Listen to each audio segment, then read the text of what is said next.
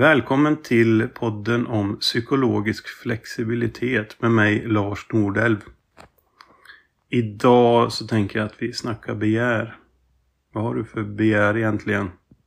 Jag har många begär, ja, kan jag säga. Och eh, de här begären kan ju ibland göra att jag blir lite sur, eh, kan jag ärligt säga. Vi tänker oss att jag har ett begär efter godis. Det, jag tycker om godis. Och så sen så i frånvaro av att jag kan uppfylla de här begären så blir jag lite sur. Jag ska sitta och titta på en film. Och eh, så finns det inte där liksom. Men man, eh, och då, då kan jag känna att jag, nej, nu blir jag irriterad liksom kan bli irriterad på mig eller jag kan bli irriterad på någon annan som inte har köpt något godis. Um, men själva poängen med begär, det är ju att det uppfyller någonting för stunden. Någonting tillfälligt. Och ibland kan de här begären också eh, bygga på en idé. En idé om att vi kommer uppnå ett, en, eh, en ihållande känsla av eh, tacksamhet, glädje, lugn. Eh, att det verkligen har vi fått det, då så kommer livet bli bra. Och att livet blir bra, det handlar ju mycket om den här känslan som är flera känslor troligen. Men det är någon, någon ihållande känsla av välmående, ett tillstånd.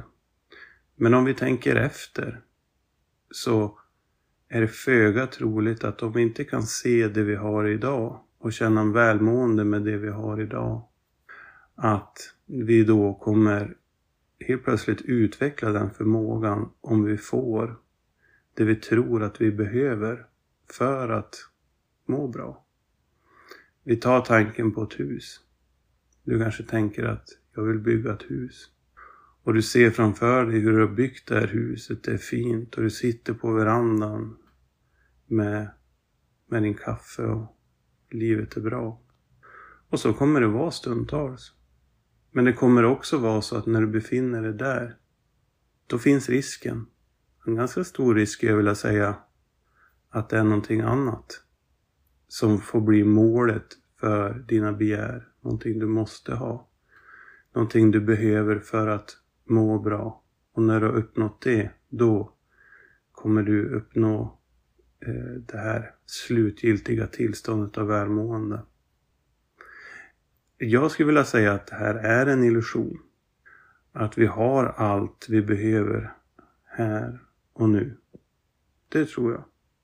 Däremot tror jag att det kan vara svårt att se det. Dels för att vi kanske här och nu har jobbiga känslor. Vi kanske här och nu har yttre omständigheter som inte alls är bra. Liksom. Men jag tror att vi i varje stund har möjlighet att se vad vi har och känna en tacksamhet för det och, ge, och det liksom bringar en form av eh, den, den, det förhållningssättet ger ett ihållande känsla av välmående över tid.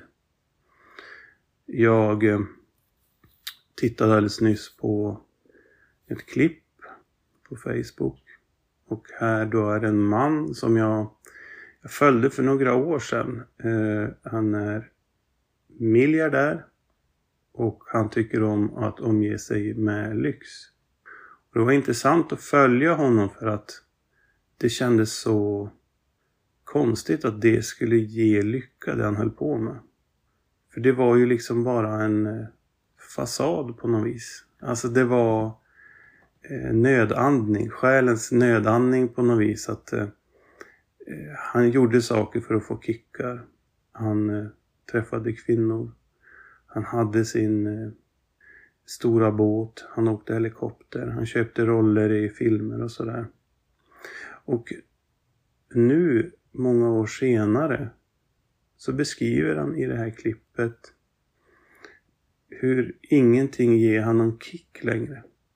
Utan det som ger han en tillfredsställelse och det han känner betyder något, det är hans vänner. Men, men jag tänker att de här riktiga vännerna, de har ju haft hela livet oavsett inkomst och sådär. Så att på något vis är han tillbaka där han började. Så att det vi har, det kan ge oss precis det vi behöver om vi kan se det. Men de här begären, de, de är ju så luriga. Jag faller ju dit hela tiden. Och, och jag tycker verkligen att eh, det nästa kan vara så lockande liksom. Alltså det här med att köpa en ny teknikpryl eller liknande. Det är ju så, eh, för mig är det ju så eh, lockande när jag tänker på vad jag ska använda den till och så. Ehm, men eh, eh, känslan är inte så långvarig. Men även ting, alltså begär över ting som vi har, kan vi bli bättre på att förlänga den här njutningen av och se vad vi har. Men det bygger på att vi ser vad vi har, att vi uppskattar att vi faktiskt har det. Och att vi inte bara eh, går över till att behandla det som ett ting efter, eh, efter kicken är över. Tänk oss att vi lyckas få köpa den här bilen vi alltid har haft.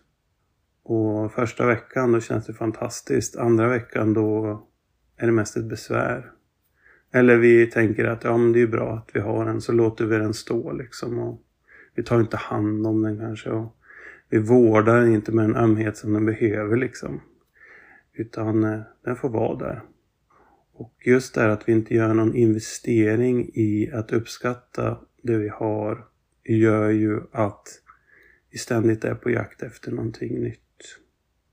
Så det här med begär tänker jag är bra att fundera på.